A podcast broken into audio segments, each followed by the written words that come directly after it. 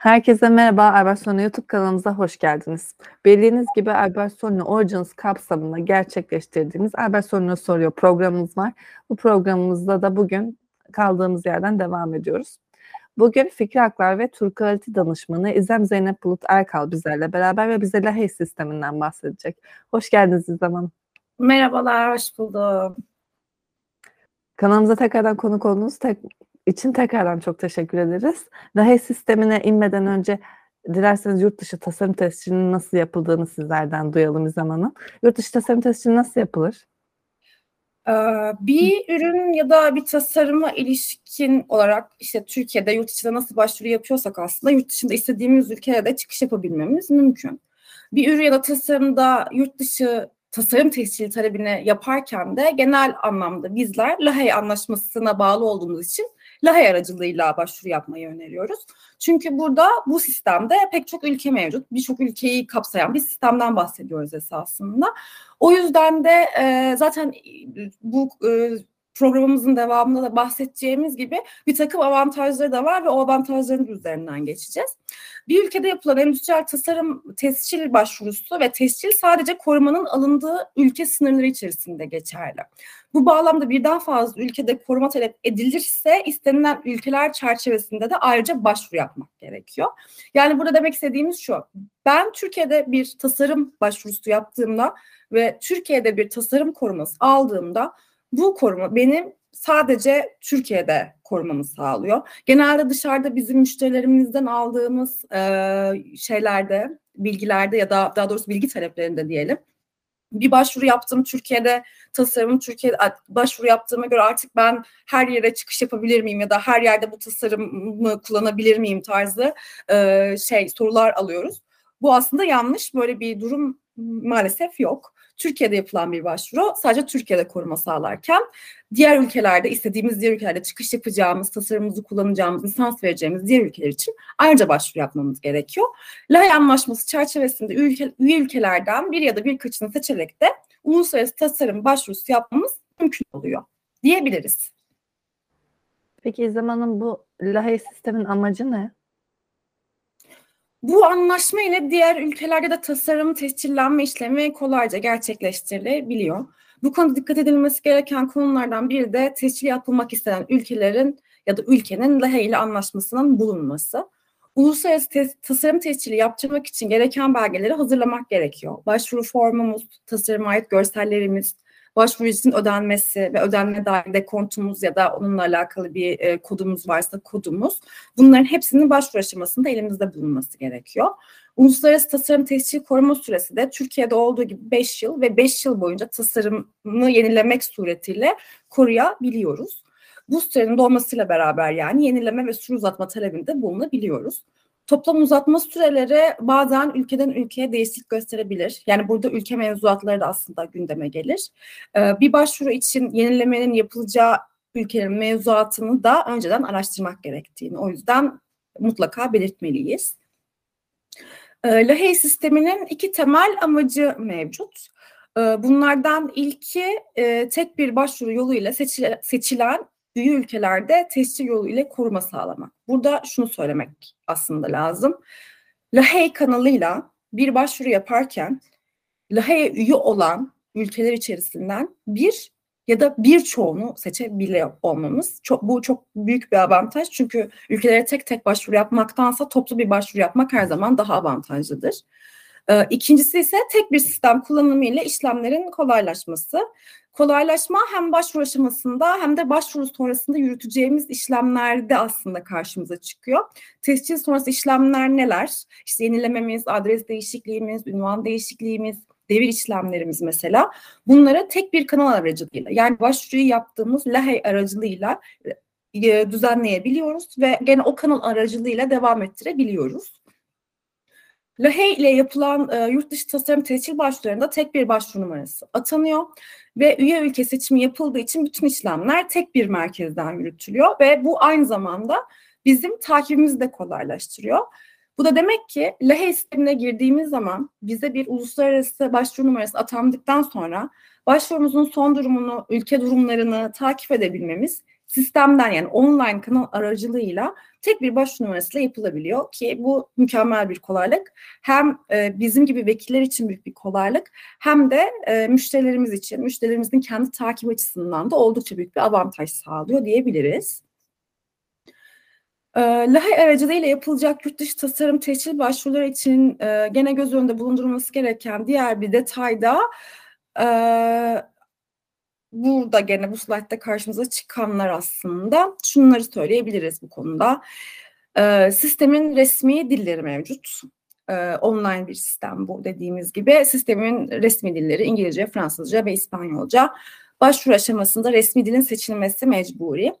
Akabinde sistemden yapılacak olan bütün bildirimler, bilgilendirmeler de seçtiğimiz dil kapsamında bizlere bildirilecek. Ee, aynı Locaro sınıfında bulunan en fazla 100 tane tasarım için LAHE aracılığıyla başvuru yapılması mümkün. Yurt dışı tasarım başvurusu talebini online olarak EHOC sistemi üzerinden yapmak ve akabinde daha önce de belirttiğim gibi bu kanal aracılığıyla takip etmek mümkün. LAHEY sistemine üye 90'dan fazla ülke bulunuyor. Türkiye kanalı aracılığıyla başvuru yapılabilecek ülkeleri de zaten gene bu sunum içerisinde bahsedeceğiz ve göstereceğiz sizlere. Ee, tek bir de şunu belirtmek isterim ben. Yurt dışı tasarım tescil başvurusunun LAHEY aracılığıyla yapılması akabinde uluslararası büro başvurunun görsellerini, ücretlerin ödendiğini ve şekli şartların karşılanıp karşılanmadığını inceliyor. Bu arada ufak bir katılımcımız oldu. Kusura bakmayın. e, şekli şartlarımız inceleniyor. E, yani uluslararası büro tarafından tasarıma ilişkin bir yenilik araştırması yapılmıyor. Tasarımın yenilik ve yaratıcılık şartlarını taşıyıp taşımadığına ilişkin herhangi bir karar bize LAHEY'den bildirilmiyor. LAHEY sadece bizim şekli şartlarımıza bakıyor. Ee, keselim. Çok dikkatimi tamam. dağıttı bu ya. e, bitmiştir de. Tamam hemen devam ediyorum. Tamam. I deyip başlıyorum tamam mı? Hmm. Büro görsel, ücret ve şekli şartlarda eksiklik görmesi durumunda ilgili eksikliğin tamamlanması adına başvuru sahiplerine ya da başvuru yapan vekilleri bilgilendiriyor. Eksikliklerin süresi içerisinde tamamlanması durumunda başvuru sürecimiz devam ediyor. Eğer eksiklikleri süresi içerisinde tamamlamaz e, ve sistem üzerinden yanıt dosyalamazsak da başvuru talebimiz yapılmamış sayılıyor. İzlem Hanım peki bu LAHEY sisteminden herkes faydalanabiliyor mu veya kimler faydalanabiliyor? E, LAHEY aracılığıyla yapılacak e, başvurularda tabii ki de bir e, sınırlandırma var. Nasıl sınırlandırma var dersek, LAHEY e, anlaşması çerçevesinde uluslararası başvuru yapma olanı anlaşmaya taraf olan ülke ya da hükümetler arası kuruluşlarda ikamet eden gerçek ve tüzel kişiler tarafından yapılabiliyor. Oranın vatandaşlarınca yapılabiliyor. Aynı zamanda 1999 metni altında geçerli olmak üzere anlaşmaya taraf olan ülkeler e, sınırlar içinde mesken sahibi olan kişiler tarafından yapılabiliyor. Yani şunu söyleyebiliriz kısacası. LAHEY sistemi içerisinde değilse ülkemiz e, ya da o ülke diyelim. O ülkede başvuru yapamayız ya da LAHE'ye üye ülkelerden değilsek LAHEY aracılığını, LAHEY'i kullanarak, o sistemi kullanarak herhangi bir ülkeye çıkış yapamayız. Fakat bunu belirtiyoruz. Türkiye bunun dışında kalıyor. Çünkü Türkiye LAHE'ye üye ülkelerden bir tanesi. Türkiye üzerinden LAHEY aracılığıyla başvuru yapmamız mümkün. Aynı zamanda yurt dışından Türkiye'ye başvuru yapılması da mümkün. İzlem Hanım e, bu görsel hazırlama süreci olduğunu görüyorum bir de. Bu görsel hazırlanırken nelere dikkat etmeliyiz onu anlatabilir misiniz? Evet, bu görsel e, açıklaması önemli çünkü e, şöyle e, e-HOC sistemi üzerinden LEHEY başvurusunu yapacağımız zaman bizim görsellerimizi sisteme tek tek yüklememiz gerekiyor. E, bu görseller de aslında yurt içi tasarım başvurularında olduğu gibi hazırlanmalı. E, bu Önce o zaman evet slaytımız buna geldiğine göre önce bir bundan bahsedeyim ben. Ee, başvuruları dediğimiz gibi online olarak yapıyoruz. Portalda üyelik açılması gerekiyor ve sisteme giriş yapılması gerekiyor. Daha önce belirttiğim gibi başvuru dili ve başvuru sahibi seçildikten sonra bizim başvurumuz için bir WIPO reference number yani WIPO referans numarası atılıyor. Burada 126020. Bunu kendim için bir başvuru yapıyormuş gibi açmıştım açıkçası. Ee, bu başvuru numara, bu referans numarası bizim için önemli. Bunu kesinlikle başvuru yaparken bir yerlere not almak ve bu kaydı hani kendi adımıza tutabiliyor olmamız gerekli. Akabinde başvuru sayfa yönlendirmesine göre zaten devam ediyor. Yani sayfa sizde e, belli aralıklarla yönlendiriyor. Ee, bu yönlendirme ikinci sayfa diyelim. İkinci e, bu tarafta da bir ülke seçimi portalı e, sayfası açılıyor.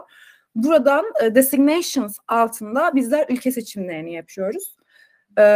Türkiye kanalı aracılığıyla başvurabileceğiniz bütün ülkelerin listesi zaten burada çıkacak ve buradan seçimlerinizi yapabileceksiniz.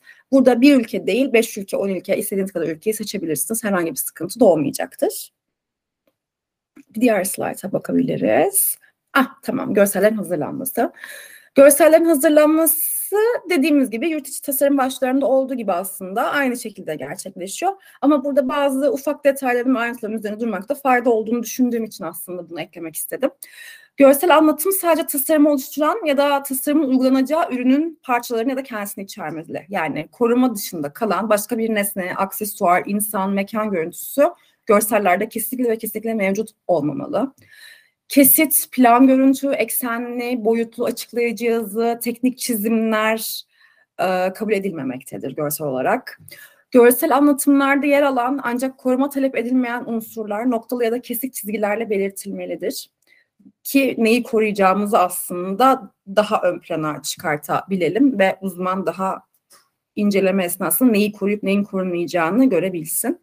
Görsel olarak sunulan e, bütün unsurlar için koruma isteniyorsa tasarımın tamamını gösteren görsel anlatımın sunulması gerekmektedir. E, ikinci slayta geçelim. Bir objeyi farklı açılardan gösteren görsellerin sunulması gerekiyor. Bu görsellerin ayrı ayrı sunulması gerekiyor. Görsellerin sınıflandırması gene Locarno sınıflandırması bildiğimiz gibi yurt içi tasarım başlarında olduğu gibi tasarımın sayısı ve ürüne ilişkin kaçıncı görselin olduğuna göre yapılıyor. Bir tasarım üç görselse bir, bir, bir, iki, bir, üç şeklinde. İkinci tasarım içinde ikinci tasarımın birinci görseli, ikinci tasarımın ikinci görseli, ikinci tasarımın üçüncü görseli şeklinde yapılması gerekiyor. Bu arada şunu da belirtmek gerekir.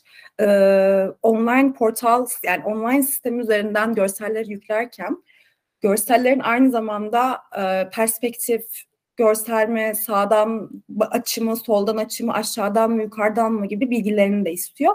Bunları zaten görselleri yüklerken sistem size e, belirtecek yani hani belirtmenizi isteyecek zaten. Aynı zamanda bunların görünümlerinin de belirtilmesi lazım. Ve son olarak zaten hani hepimizin de bildiği gibi sunacak olan görsellerin kaliteli ve yayınlanmaya uygun olması gerekiyor diyebiliriz. Ee, aynen burada e, bu görsel yükleme alanı e, şu anda gördüğümüz. Bu görsel yükleme alanından Locarno sınıfımızı seçiyoruz. Sonra Locarno sınıfındaki alt sınıfımızı seçiyoruz. Daha önce konuşmuştuk Locarno sınıflandırmasını. Hem kendi sınıfımız hem de alt sınıfımızın olması gerekiyor ürünümüze ve tasarımımıza ilişkin olarak. Onları belirttikten sonra zaten sistem size görselinizi yüklemeniz için izin verecek. Görsel yüklemesine izin verdikten sonra da daha önce de söylediğim gibi ön, arka perspektif, aşağıdan görüntü gibi e, sınıflandırmak ve ayrıntılandırmak gerekecek. Ek olarak e, şunu da belirtmem gerekir ki LH aracılığıyla yapılan e, başvurularda bazı ülkeler tasarıma yani ürüne ilişkin görsellere ek olarak kısa kısa açıklamalar talep edebiliyorlar. Ee, Vietnam bunlardan bir tanesiydi diye hatırlıyorum. Hatta Amerika'da bunlardan bir tanesi. Çok büyük bir açıklama yani çok uzun böyle sayfalarca bir metne gerek duyulmuyor. Sadece ürünün tam olarak ne olduğunun hangi kısmının korunmasını istendiğini, yenilik barındıran kısmın ne olduğunun sadece açıklanmasını talep ediyor. Ufak bir paragraflık bir yazı da olabilir. Dediğimiz gibi zaten sistem siz ilgili ülkeyi seçtiğiniz zaman örneğin Amerika'da bir başvuru yapacaksanız Amerika'yı seçtiğiniz görsel yüklediğiniz zaman size zaten description yani burada açıklama kısmında uyarı verecek ve o uyarıya e, o e, şeyi eklemeniz gerekecek. Bilgilendirme, detaylandırma eklemeniz gerekecek. Ee, tasarım başvurusu yapılan firma ya da kişi bilgisiyle tasarımcı bilgisi birbirinden farklı zaten bunu da biliyoruz. e, başvuru yaptığımız zaman creator yani tasarımcı bilgilerinin de eklenmesini istiyor e, sistem. Aynı zamanda bir birden fazla tasarımcı eklemeniz mümkün. Tasarımcıları ekledikten sonra sistem aynı zamanda sizden atıyorum 5 tane tasarım başvurusu yapıyorsunuz aynı Locarno sınıfında. 5'ini de yüklediniz. Tasarımcılara girmeniz gerekiyor. Hangi tasarımcının hangi tasarımı yaptığını da belirtmenizi isteyecek.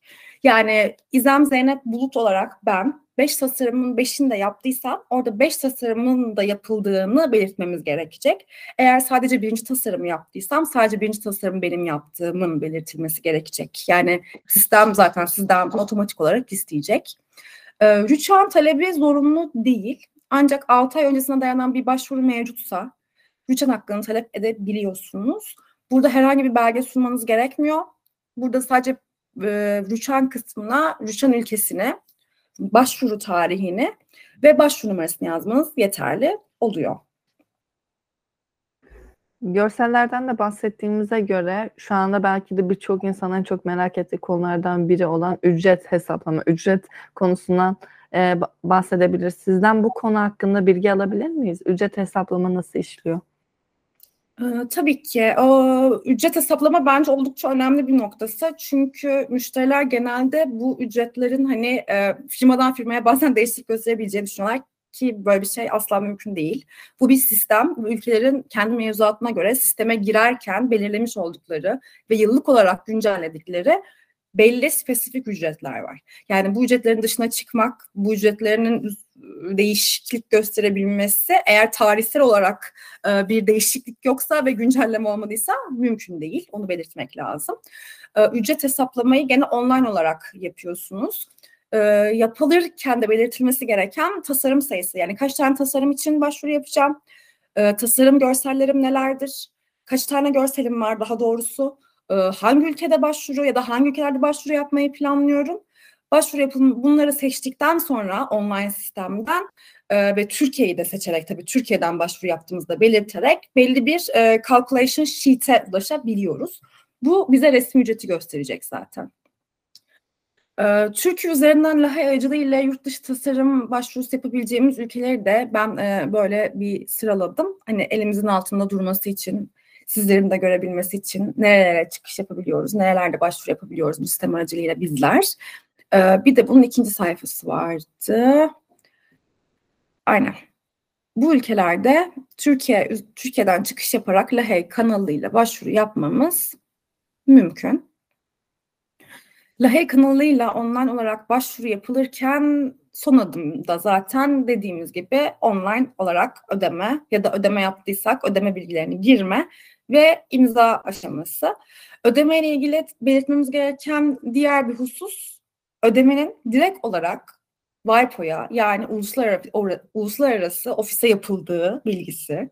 Yani buradan vekil biz bir ücret almıyoruz. Bu ücretin tamamına uluslararası ofis alıyor. Ee, ücret ödemesi İsviçre frangı CHP olarak hesaplanıyor.